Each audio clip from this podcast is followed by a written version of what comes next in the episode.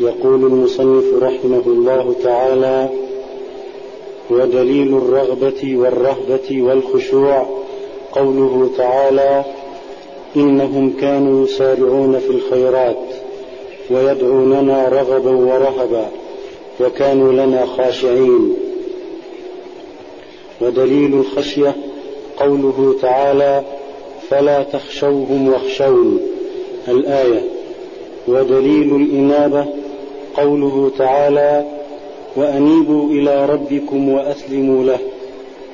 ودليل الاستعانة قوله تعالى إياك نعبد وإياك نستعين. وفي الحديث إذا استعنت فاستعن بالله. ودليل الاستعاذة قوله تعالى قل أعوذ برب الفلق. وقل أعوذ برب الناس ودليل الاستغاثة قوله تعالى إذ تستغيثون ربكم فاستجاب لكم. الآية ودليل الذبح قوله تعالى قل إن صلاتي ونسكي ومحياي ومماتي لله رب العالمين. لا شريك له. ومن السنة لعن الله من ذبح لغير الله. ودليل النذر. قوله تعالى يوفون بالنذر ويخافون يوما. ويخافون يوما كان شره مستطيرا. الأصل الثاني معرفة دين الإسلام بالأدلة. وهو الاستسلام لله بالتوحيد والانقياد له بالطاعة. والبراءة من الشرك وأهله وهو ثلاث مراتب الإسلام والإيمان والإحسان وكل مرتبة لها أركان. فأركان الإسلام خمسة شهادة أن لا إله إلا الله وأن محمدا رسول الله وإقام الصلاة وإيتاء الزكاة وصوم رمضان وحج بيت الله الحرام. فدليل الشهادة قوله تعالى شهد الله أنه لا إله إلا هو والملائكة وأولو العلم قائما بالقسط لا إله إلا هو العزيز الحكيم ومعناها لا معبود بحق إلا الله لا إله نافيا نافيا جميع جميع ما يعبد من دون الله إلا الله مثبتا العبادة لله لله وحده لا شريك له في عبادته كما أنه لا شريك له في ملكه. وتفسيرها الذي يوضحها قوله تعالى وإذ قال إبراهيم لأبيه وقومه إنني براء مما تعبدون إلا الذي فطرني فإنه سيهدين. وجعلها كلمة باقية في عقبه لعلهم يرجعون. وقوله تعالى قل يا أهل الكتاب تعالوا إلى كلمة سواء بيننا وبينكم ألا نعبد إلا الله ولا نشرك به شيئا ولا يتخذ بعضنا بعضا أربابا من دون الله فإن تولوا فقولوا اشهدوا بانا مسلمون. ودليل شهادة أن محمدا رسول الله. قوله تعالى لقد جاءكم رسول من أنفسكم عزيز عليه ما عنتم حريص عليكم بالمؤمنين رؤوف رحيم. ومعنى شهادة أن محمدا رسول الله طاعته فيما أمر وتصديقه فيما أخبر واجتناب ما نهى عنه وزجر. والا يعبد الله إلا بما شرع. ودليل الصلاة والزكاة وتفسير التوحيد قوله تعالى وما أمروا إلا ليعبدوا الله مخلصين له الدين حنفاء ويقيموا الصلاة ويؤتوا الزكاة وذلك دين القيمة. ودليل الصيام قوله تعالى يا أيها الذين آمنوا كتب عليكم الصيام كما كتب على الذين من قبلكم لعلكم تتقون. ودليل الحج قوله تعالى ولله على الناس حج البيت من استطاع إليه سبيلا ومن كفر فإن الله غني عن العالمين. لا نزال في أدلة العبادة أنواع العبادة. وسبق أن أنواع العبادة كثيرة وضابطها أنها كل ما تقرب به إلى الله جل وعلا مما جاء به الرسول صلى الله عليه وسلم. سواء كان من الأعمال الظاهرة أو من أعمال القلوب. يدخل في ذلك التوبة والخوف والرجاء والخشية والإنابة كما يدخل فيه الصلاة والذكر الشيء الظاهر الصدقة وغير ذلك. لهذا عرفها شيخ الإسلام ابن تيمية رحمه الله بأنها لأنها اسم جامع لكل ما يحبه الله ويرضاه من الأقوال والأعمال الظاهرة والباطنة. وعرفها غيره بأنها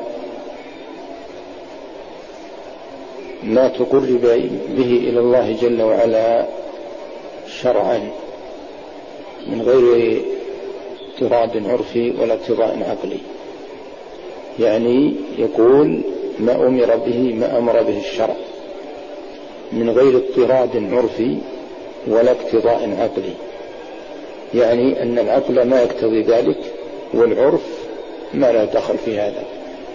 وإنما تتوقف على الأمر الشرعي. كل ما أمر به شرعا فهو عبادة. كل ما فعل مما جاء به الرسول صلى الله عليه وسلم فهو عبادة. وعرفت بأنها تقرب إلى الله بغاية الذل مع الحب والتعظيم. والتعريفات كلها صحيح. ولكن التعريف الأول جامع مانع. يعني أن العبادة اسم جامع لكل ما يحبه الله ويرضاه من الأقوال والأفعال الظاهرة كأفعال الجوارح مثل الذكر مثل الصلاة مثل الصوم مثل الصدقة الأمر بالمعروف النهي عن المنكر. زيادة الأذى عن الطريق وما أشبه ذلك. والباطنة مثل النية مثل الخوف مثل الرجاء مثل الخشية مثل الإنابة مثل الرجاء وما أشبه ذلك وهي كثيرة. فإذا مثل تتبع كل عبادة بدليل قد يطول وإنما تذكر الأمثلة فقط. تذكر الأمثلة. والأمثلة التي جاءت في القرآن على بعض العبادات وليس كلها. والمقصود بذكر هذه الأمثلة أن يبين أن العبادة إذا جعلت لغير الله فإن الإنسان يكون مشرك.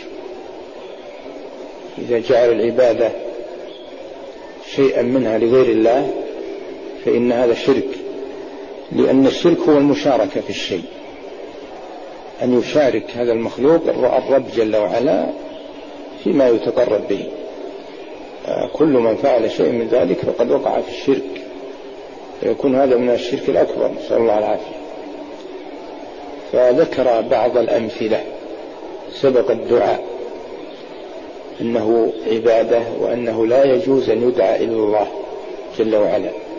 ولا يجوز أن يقول الإنسان يا رسول الله اشفع لي. يا رسول الله اغفر لي ذنبي. يا رسول الله إني أشكو إليك كذا وكذا وما أشبه ذلك. فإن هذا لا يجوز أن يكون إلا لله جل وعلا. وكذلك إذا جعل ذلك لولي من الأولياء وما أشبه ذلك فإن هذا يكون هو الشرك. لأنها صرفت العبادة لغير الله جل وعلا. وسواء كان هذا في شيء خاص أو في شيء عام مما يفعله الإنسان.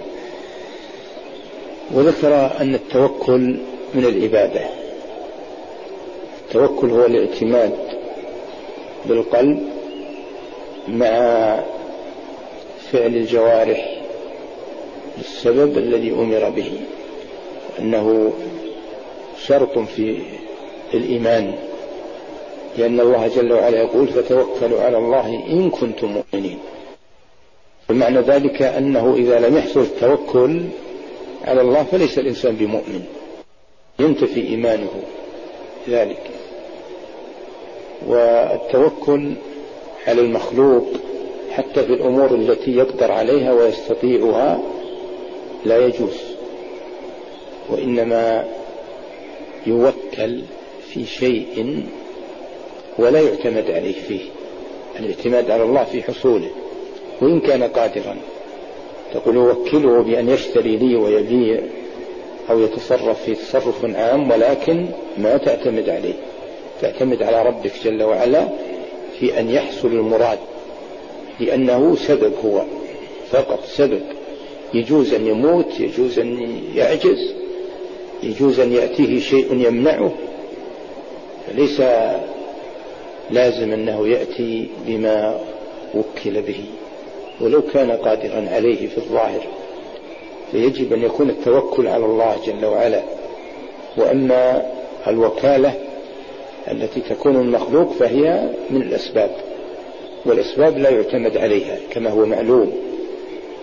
السبب لا يجوز أن يعتمد عليه كما أنه لا يجوز أن يعطل يعني يفعل السبب ولا يعتمد على عليه في حصول المراد. العمدة في حصول المراد على الله جل وعلا. وإن وكل الإنسان فهو سبب.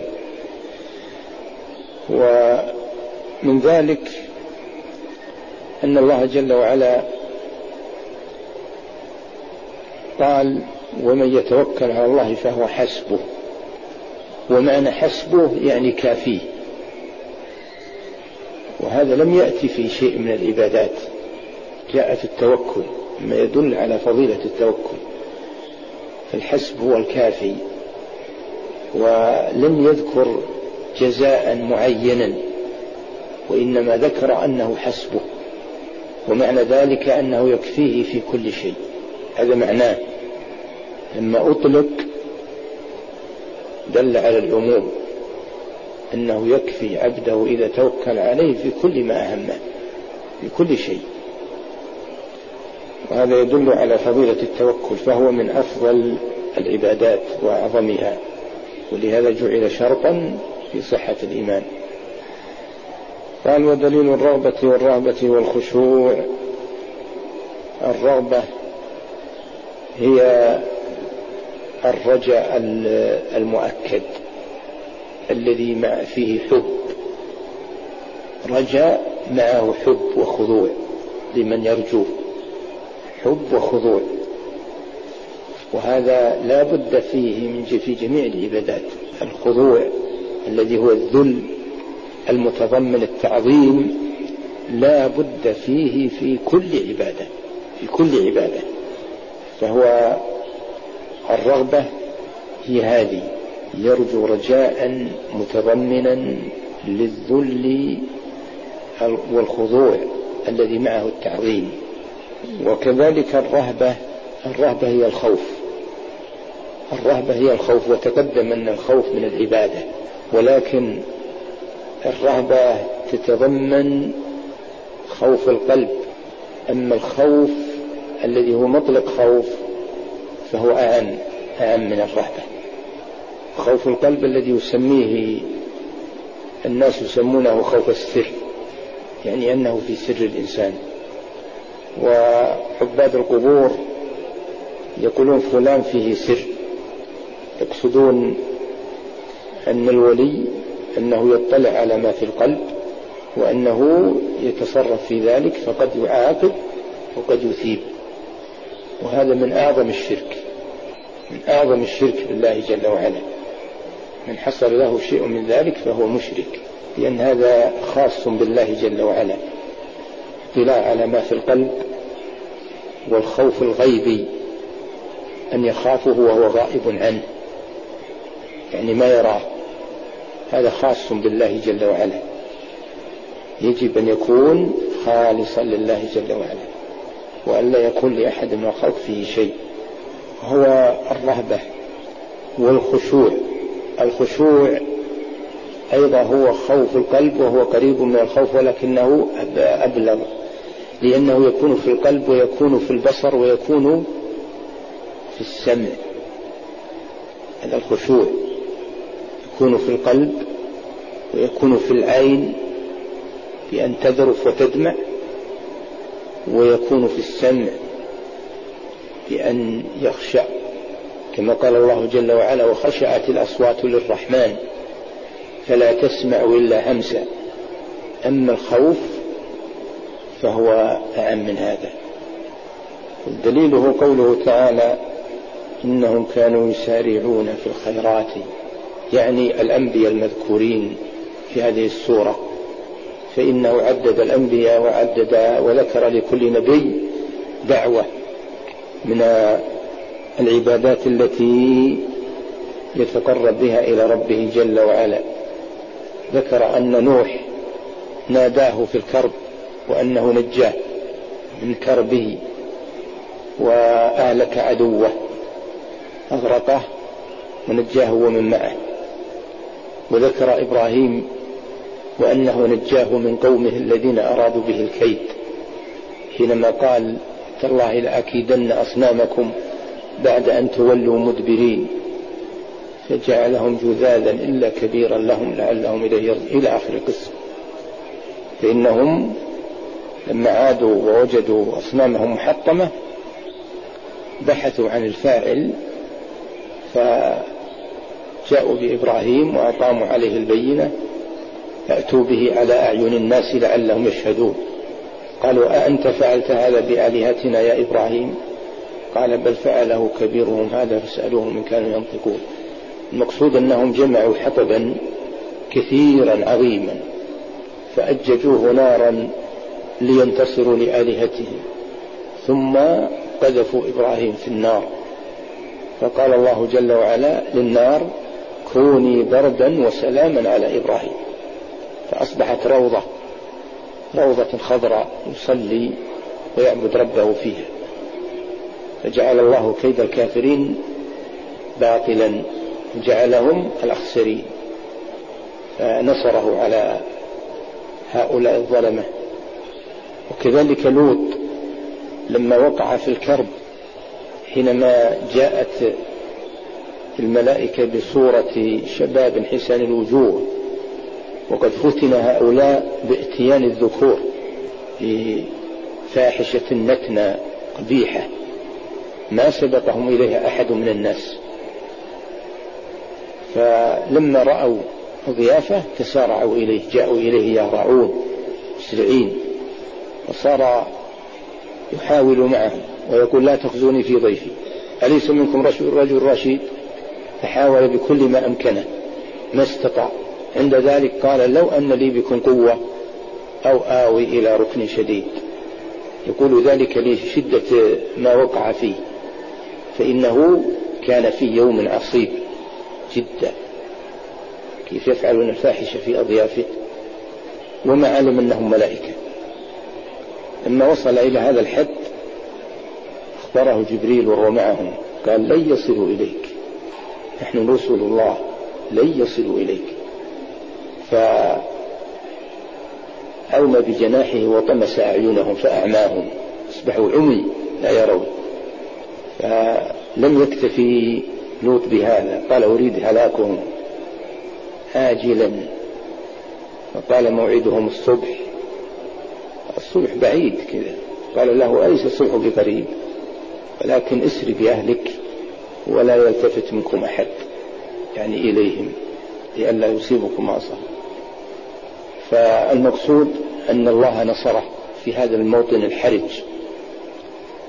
ثم كذلك ذكر موسى وهارون أنه نجاهما من كيد فرعون وذكر ذنون حيث وقع في كرب عظيم ألقي في البحر فالتقمه الحوت فأصبح في ظلمات البحر وظلمات بطن الحوت.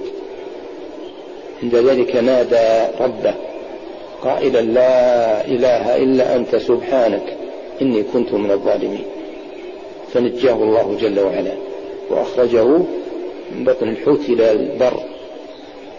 وكذلك أيوب قال ربي مسني الضر وأنت أرحم الراحمين. فاستجاب الله له. وكذلك زكريا قال ربي لا ترني فردا وأنت خير الوارثين. إلى آخر الأنبياء الذين ذكرهم. ثم بعد ذلك قال إنهم كانوا يسارعون في الخيرات ويدعوننا رغبا ورهبا وكانوا لنا خاشعين. فأثنى عليهم بأنهم يدعونه راغبين خائفين ويكون مع الدعاء خشوع. خشوع القلب وخشوع الأبصار خشوع السمع. والله جل وعلا يثني على عباده بما هو محبوب له والمحبوب له هو العبادة. فدل هذا على أن هذا من أفضل العبادة. فمن صرف شيئا من ذلك لغير الله جل وعلا فيكون مشركا والأدلة على هذا كثيرة ولكن المقصود التمثيل فقط في الأمثلة. ثم قال ودليل الخشية. قوله فلا تخشوه واخشوني والخشية أيضا قريبة من الخوف إلا أنها تكون أخص من الخوف العام أنها تكون في شيء خاص. وهذه خشية تكون في جميع الأشياء ليست في شيء معين. يجب أن تكون أن يكون المخشي هو الله جل وعلا ولا يخشى مخلوق مخلوقات لأن المخلوق ناصيته بيد الله جل وعلا. يتصرف الله جل وعلا فيه كيف يشاء ولن يستطيع أن يستقل بالشيء إلا بإذن الله. فلا يستطيع أن يضر أو ينفع إلا بإذن الله جل وعلا. فإذا أخلص الإنسان خشيته لربه جل وعلا فإنه يكفيه يكفيه ما أهمه. وكذلك الإنابة والإنابة هي الرجوع مع العمل رجوع في عبادة عمل تضمن الذل والتعظيم. أناب إذا خضع وذل راجعا إلى ربه جل وعلا. وأنيبوا إلى ربكم وأسلموا له. ويأمر جل وعلا بالإنابة والإنابة أخص من الإسلام لأن الإسلام أمر عام كما سيأتي وهو الاستسلام والانقياد لله عموما. أما الإنابة فهي أبلغ من ذلك. قال ودليل الاستعانة قوله تعالى إياك نعبد وإياك نستعين وهذا يجمع العبادة كلها. كل العبادة تجتمع في, في هذه في معنى هذه الآية إياك نعبد وإياك نستعين.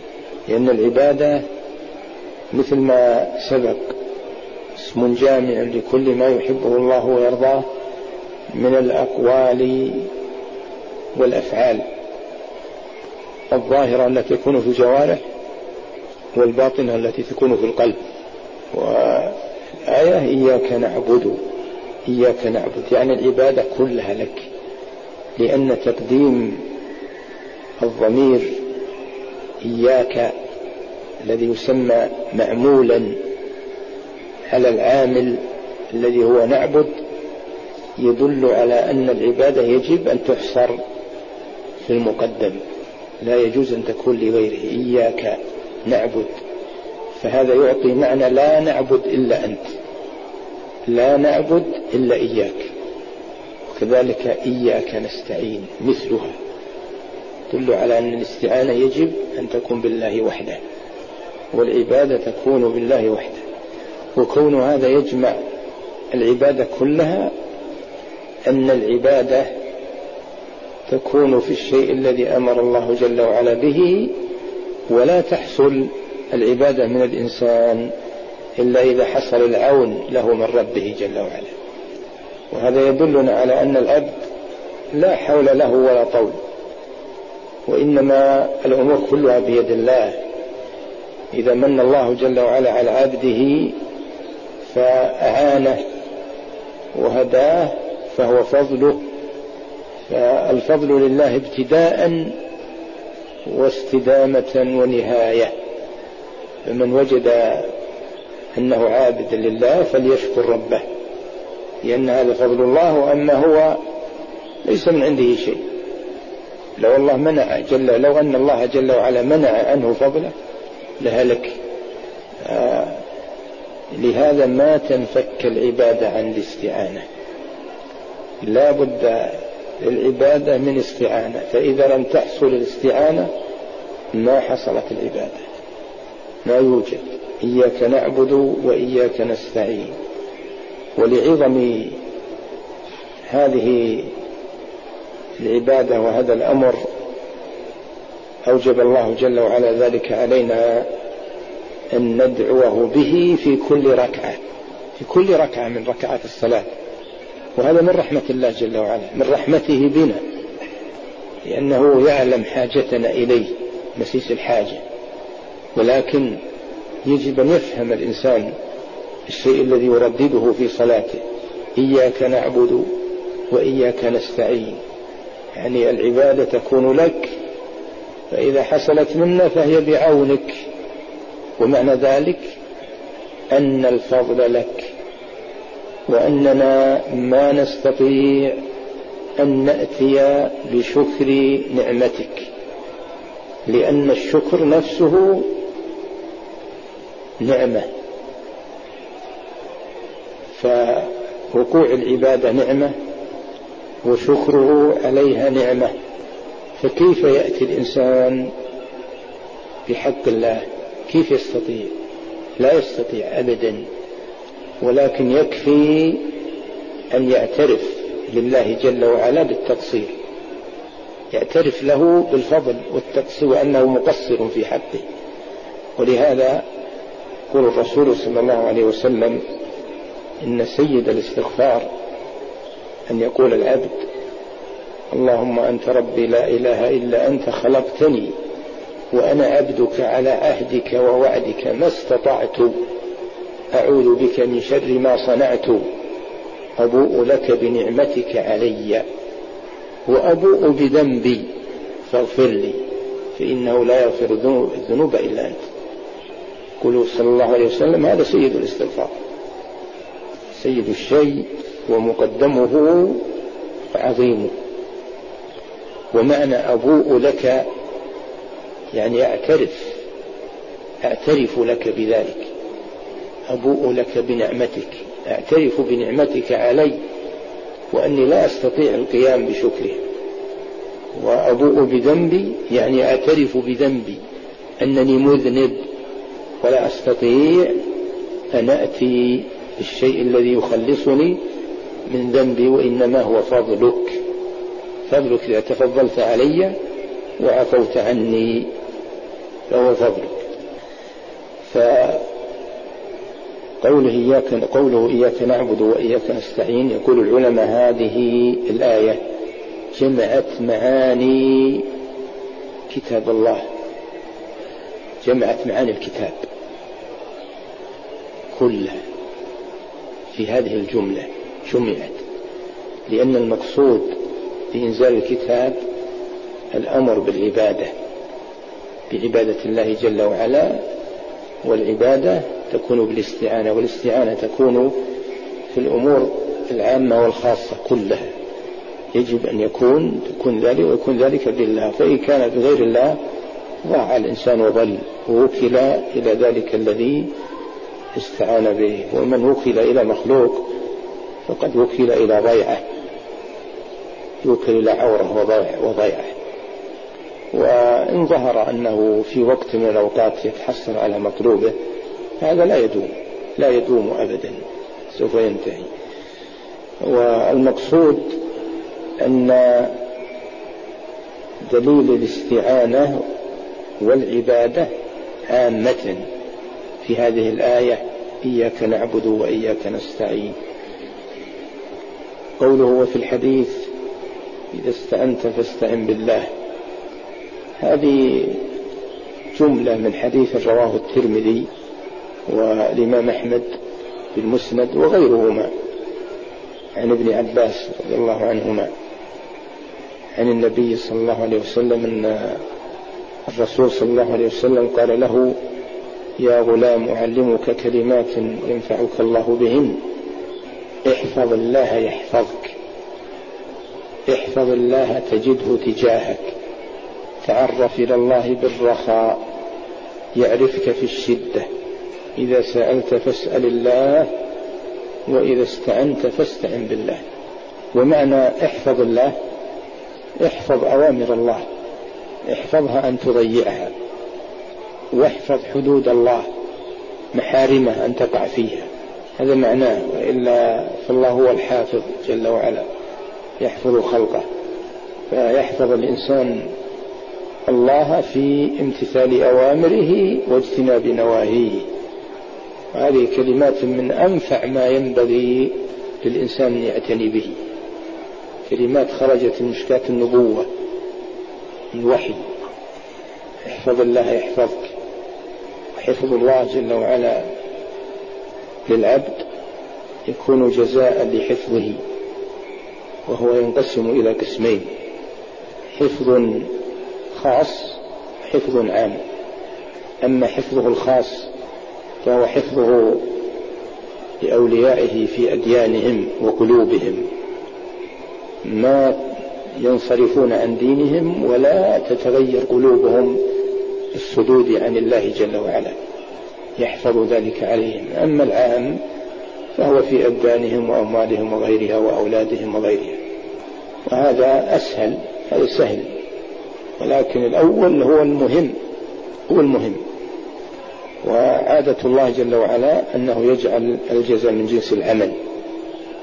فمن حفظ حدود الله وحفظ واجبات الله حفظه الله جل وعلا. أما إذا ضيع ذلك فإنه يضيع يضيع. تجده في آخر عمره ما يعرف ربه ولا يعرف أين يتجه ولا يعرف كيف يتصرف. وليس معنى ذلك أن الإنسان إذا أغدقت عليه الدنيا حصل له مراده في الدنيا أنه يكون محفوظا كلا. ما هو هذا؟ الدنيا سهلة ستمضي وتنتهي على كل حال. ولكن مصيبة إذا كان الإنسان خرج منها وليس معه دين يدين الله به. هذه المصيبة. وكذلك قوله تعرف إلى الله في الرخاء يعرفك في الشدة. ومعنى تعرف إلى الله في الرخاء يعني أقبل على الله بالدعاء والعبادة بفعل المأمور الذي أمرك الله جل وعلا به وزيادة من النوافل وغيرها. تعرف إليه بذلك لأنك بحاجة إلى ذلك أشد الحاجة. ويعرفك في الشدة يعني أن الإنسان الذي يكون مديما الإقبال على ربه وذكر وذكره وعبادته أنه إذا وقع في شدة أنه يجعل الله جل وعلا له فرجا ومخرجا منها بخلاف الذي ما يعرف ربه إلا في الشدائد. هذا قد مثلا يجاب وقد لا يجاب. ثم كذلك قوله إذا استعنت فاستعن بالله. أيضا من الأمور المهمة لأن يعني الاستعانة عبادة. فيجب أن تكون خاصة بالله جل وعلا كما قال جل وعلا وإياك نستعين وإياك. يعني حصر الاستعانة في الله جل وعلا. قال ودليل الاستعاذة قوله تعالى قل أعوذ برب الفلق. والفلق يعني فالك الإصباح. ومخلص الليل بالنهار. إنه لو شاء لجعل الوقت كله ليلا ولو شاء لجعل الوقت كله نهارا. وقال جل وعلا رأيتم جعل الله عليكم الليل سرمدا إلى يوم القيامة من إله يأتيكم بضياء؟ وكذلك بالعكس. الله جل وعلا هو الذي يتفضل على عباده بما يحتاجون إليه. جعل لهم الليل يسكنون فيه ويرتاحون وجعل لهم النهار طلبا للمعيشة والتصرف فضلا منه ونعمة ورحمة. فهو فالك الإصباح والفلك هو الفعل ومجيء ذلك تفسيره بالقلب القمر.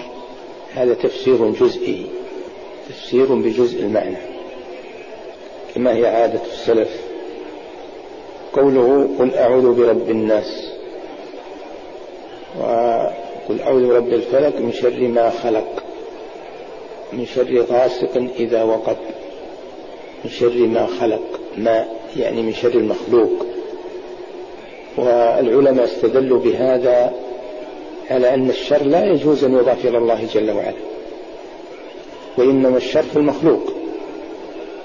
أما فعل الله جل وعلا فكله خير ما يفعل فعلا يكون شرا إنما هو خير. إن كان فيه شر فهو جزئي يعني نسبي وإلا فهو خير.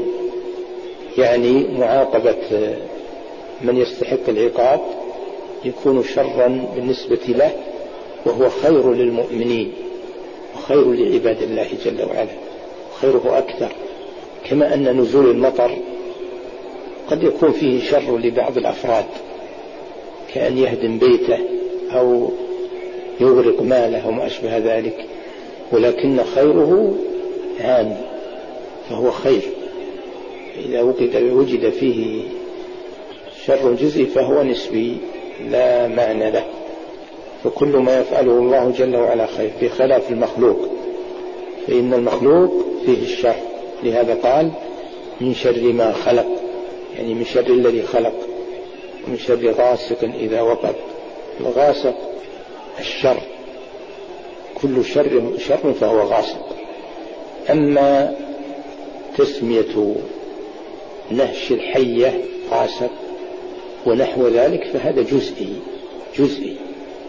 إنما المقصود الشر مطلقا من شر غاسق يعني من شر الشر.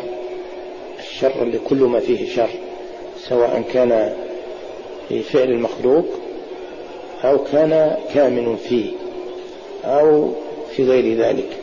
من شر النفاثات في العقد النفاثات السواحر التي تعقد العقدة ثم تنفث فيها فينعقد السحر الذي تريده.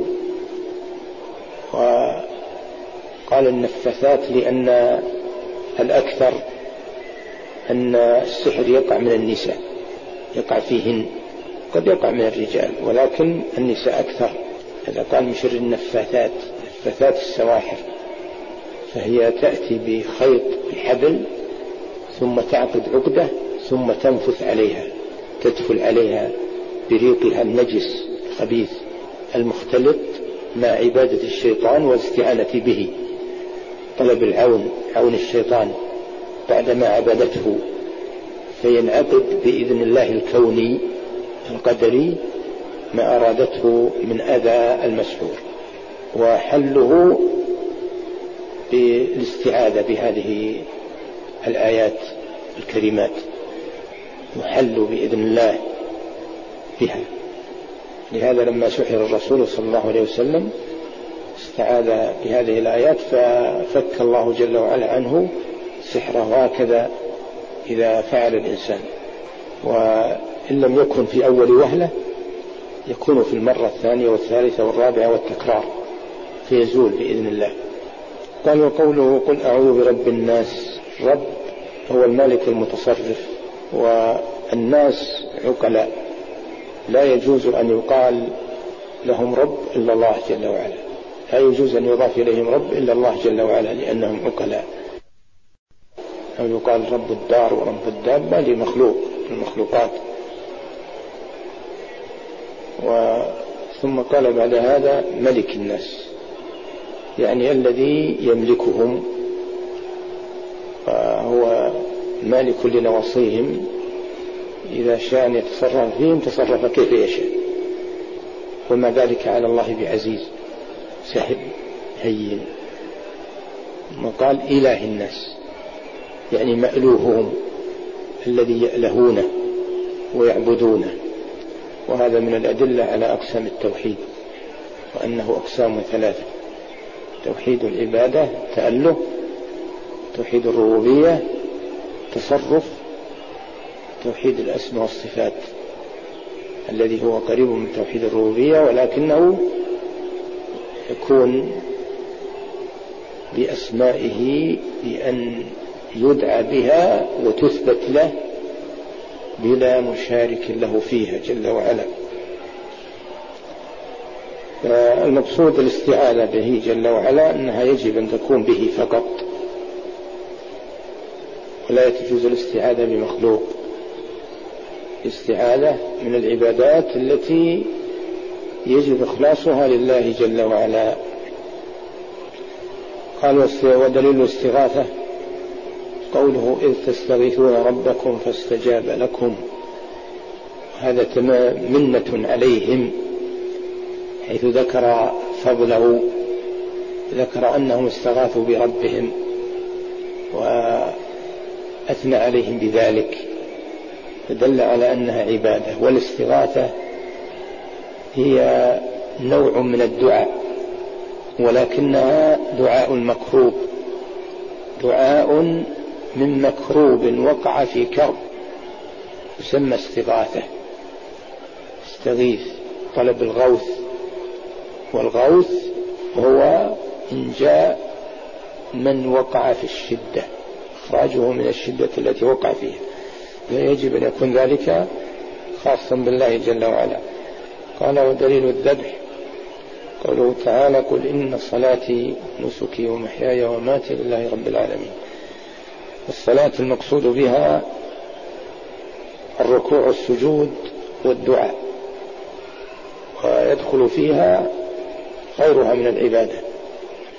والنسك يقصد بها الذبيحة التي تذبح لله مثل الأضحية والهدي والعقيقة وما أشبه ذلك. أما التي تذبح لأكلها للحم لأجل أكلها فهذه سمى نسيكة لحم. ومع ذلك لا بد أن يكون فيها عبادة وإلا تكون محرمة. لا بد أن يسمي عليها عند ذبحها أن يذكر اسم الله وأن تكون من مسلم. أما إذا كانت من غير مسلم ولو سمى فهي محرمة. فإذا وإن كانت للحم فإنها فيها نوع من العبادة عبادة. يجب أن تكون فيها عبادة لله جل وعلا. وهذا من معاني قول الله جل وعلا ولله الأسماء الحسنى فادعوه بها. من معانيه. أن يذكر اسم الله جل وعلا عليها فيكون حلالا ذلك لأن ذلك تعبد. ومعنى ذلك أن الذبيحة إذا ذبحت لمخلوق كالتي تذبح عند القبر تعظيما لصاحبه أو تذبح للنجم أو تذبح للجن. يقول الجن اذبح الذبيحة عشان يطيب مريضك أو يقوله الكاهن. وإن ذكر عليه اسم الله فهي شرك ما أهل به لغير الله. كذلك التي تذبح ذبح النصارى للمسيح أو غيره. فهذا من الشرك الأكبر. والذبيحة لها أثر في القلب. يعني النسك أثر عظيم. تقرب بها إلى الله. ولهذا قرنت في الصلاة في عدة آيات. قرنت مع الصلاة. قل إن صلاتي ونسكي. يعني مقرونة معها دلت على دل ذلك على أنها من أعظم العبادات. يجب أن تخلص لله جل وعلا. فإذا وقعت لغير الله فهو شرك. وأما قوله ومحياي ومماتي لله رب العالمين يعني العمل الذي أحيا عليه. يعني أني ما خلقت إلا لعبادة الله. فأنا كل حياتي تعبدا وتقربا إلى الله جل وعلا. كل عمل أعمله في حياتي عبادة وتقربا لله جل وعلا. وكذلك مماتي يعني أموت على الرجاء والخوف وعبادة ربي جل وعلا. إني راجع إليه أطلب جزاءه وأدعوه أن يرحمني وأن يعفو عني ويتفضل علي. معنى حياتي ومماتي لله رب العالمين. هذا أمره جل وعلا أن يقوله. وأمته تبع له في ذلك. يجب أن تكون تابعا وفي الآية الأخرى فصل لربك وانحر. صل لربك وانحر. يعني اجعل الصلاة لله والنحيرة لله التي هي الذبيحة. قال ومن السنة يعني دليل أن الذبح يجب أن يكون لله خالصا وأنه عبادة. لعن الله من ذبح لغير الله. واللعن هو الطرد من الرحمة. والإبعاد والله يلعن من يشاء كما أنه يصلي على من يشاء. إن الله وملائكته يصلون على النبي. هو الذي يصلي عليكم وملائكته. يعني يصلي على المؤمنين. وصلاة الله معناها ثناؤه على عبده عند الملائكة. هذه صلاته. هذا هذا القول الصواب فيها. أما الصلاة من الملائكة هي الاستغفار والدعاء. قل اللهم اغفر له اللهم ارحمه. وكذلك من الآدميين. اللعن ضد ذلك. اللعن ضد هذا. والله يلعن من يشاء. ومن لعنه فقد بعد عن مظان الخير كلها. فالملعون هو البعيد عن الرحمة. نسأل الله العافية. الله يلعن من يشاء من عباده حقيقة كما أنه يصلي على من يشاء من عباده ويفعل ما يشاء والفضل بيده وهو الحكم العدل إذا لأن فلأنه على من يستحق قال ودليل النذر قوله تعالى يوفون بالنذر ويخافون يوما كان شره مستطيرا وجه ذلك وجه الدليل أن الله أثنى على هؤلاء الذين يوفون بالنذر ومدحهم. والله لا يثني على النوم على النائم الكثير كثير النوم ولا على الآكل الذي يأكل كثيرا ولا على الذي يخرج يتفرج ويتنزه. يعني الأمور المباحة ما يثني عليها جل وعلا لأنها ليست عبادة. وإنما يثني على من يفعل شيئا يحبه الله جل وعلا. فدل هذا على أن النذر الوفاء بالنذر عبادة والنذر في أصله هو الإجاب يقول نذرت دم فلان إذا أوجبت قتله هكذا يقولون يقول العرب. هذا معروف في أشعارهم وكلامهم. وهو إيجاب عبادة لم تكن واجبة.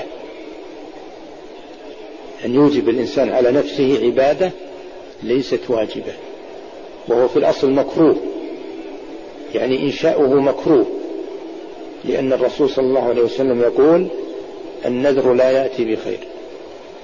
مطلقا لا يأتي بخير وإنما يستخرج به من مال البخيل. فلا ينبغي للعبد أن يدخل في النذر في النذور. والنذر ما يقدم ولا يؤخر. بعض الناس يتصور أنه إذا نذر شيء أنه يحصل له ذلك الشيء. مثل أن يقول إن نجحت. لله علي نذبح بعير. يتصور أن هذا يكون له أثر في نجاحه. والواقع لا أثر له أبدا. إذا كان الله قدر نجاحك سوف تنجح نذرت أو ما أو ما نذرت. وإنما يوقع هذا الإنسان في حرج وقد يوقعه في ذنب. لأنه إذا حصل له مطلوبه يثقل عليه الوفاء بالنذر وقد يعجز عنه. فيكون آثما لأنه ترك شيئا أوجبه على نفسه وهو عبادة.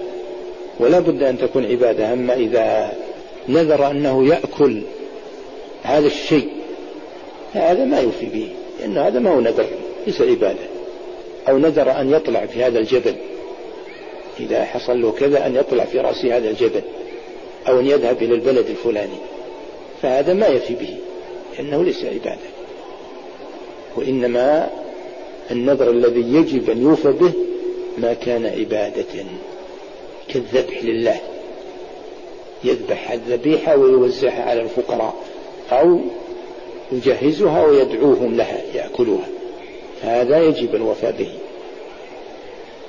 والمقصود أن النادر يتصور كثير منهم أنه إذا نذر إن الله شفى مريضه أن يتصدق بكذا وكذا أو أن يصوم كذا وكذا. أو أن يذبح كذا وكذا. هذا يتصور أن هذا النذر يكون له أثر في شفاء المريض. هذا ليس كذلك. لا أثر له. الله سوف يوقع ما قدره. نذرت أو لم تنذر. فالنذر ما يأتي بخير كما قال الرسول صلى الله عليه وسلم. فلا ينبغي للإنسان أن يفعله. ولكن إذا وقع منه وجب عليه الوفاء به. فالله يثني على عباده الذين إذا وقعت منهم النذور سارعوا إلى الوفاء بها. يوفون بالنذر ويخافون يوما كان شره مستطيرا وهو يوم القيامة. قوله جل وعلا وما نذرتم من نذر إن الله يعلمه يعني أن الله سيجازيكم به. يجازيكم به. انه عليم ففي ضمن قوله يعلمه يعني سيجازيكم. قال الأصل الثاني هذا الأصل الأول له معرفة الله جل وعلا. وقلنا إن ذكر أنواع العبادات جاء استطرادا. وإلا فالأصل هو معرفة الله أن الله هو الذي يجب أن يعبد ومعرفته بالأدلة. وسبقت الأدلة أنها تكون أدلة عقلية وأدلة خلقية وأدلة فطرية. تكون في فطرة الإنسان وفي المخلوقات فعل الله جل وعلا دلائل عليه وكذلك العقول العقل يدل على ذلك. كما قال جل وعلا أم خلقوا من غير شيء أم الخالقون؟ وسبقت الإشارة إلى هذا. ثم قال الأصل الثاني الإسلام الدين. معرفة الدين. الأصل الثاني معرفة دين الإسلام. أن يعرف الإنسان الدين الذي جاء به الرسول صلى الله عليه وسلم. ومعرفة هذا فرض عين على كل عبد ولكن ليست في كل شيء. في الشيء الواجب عليه مثل الصلاة ومثل كونه يجب أن يعبد الله وحده. ما تكون العبادة لغير الله. ومثل الصوم الواجب عليه ومثل الحج الواجب عليه وما يلزم لذلك. من الوضوء والسترة وما أشبه هذا. فإذا كان عنده مال وجب أن يعرف الزكاة. وأين يضعها. يعني كيف يخرجها. ما القدر الذي يخرج وما صفة ذلك وأين يضعها؟ فإن قصر في هذا فهو آثم. وكذلك يجب عليه أن يعرف أن الله حرم الزنا وحرم الربا وحرم قتل النفوس ونهب الأموال وما أشبه ذلك من المحرمات الظاهرة البينة. لا يجوز أن يجهل هذا. فإن جهل ذلك فقد قصر فيما وجب عليه وأمره إلى الله. إن شاء عذبه وإن شاء عفى عنه يعني أن معرفة الدين الإسلامي تكون خاصة وعامة. فتكون عامة على كل فرد في الشيء الذي يلزم ذلك الفرد. يلزمه يجب عليه. وتكون عامة تكون على بعض الخاصة من خواص الناس مثل العلماء ألا يجهلوا شيئا مما جاء به الرسول. يجب أن يعرفوه ولا يفوتهم شيء. وليس على كل واحد بل عليهم جميعا. لأن حفظ كتاب الله بمعانيه وما دل عليه أمر واجب على الأمة يجب عليه. فهذا هو معرفة الدين. فإذا على كل فرد بما يخصه الشيء الذي يجب عليه يجب أن يعرفه. وفسر بأمور خمسة. فسر بثلاثة أشياء جعلها مراتب ثلاثة مراتب. وكل مرتبة أعلى من التي قبلها الإسلام ويفسر بخمسة أشياء. والإيمان ويفسر بستة أشياء. والإحسان ويفسر بشيئين. بشيئين فأولها الإسلام وهو أعم أعم من الإيمان وأعم من الإحسان.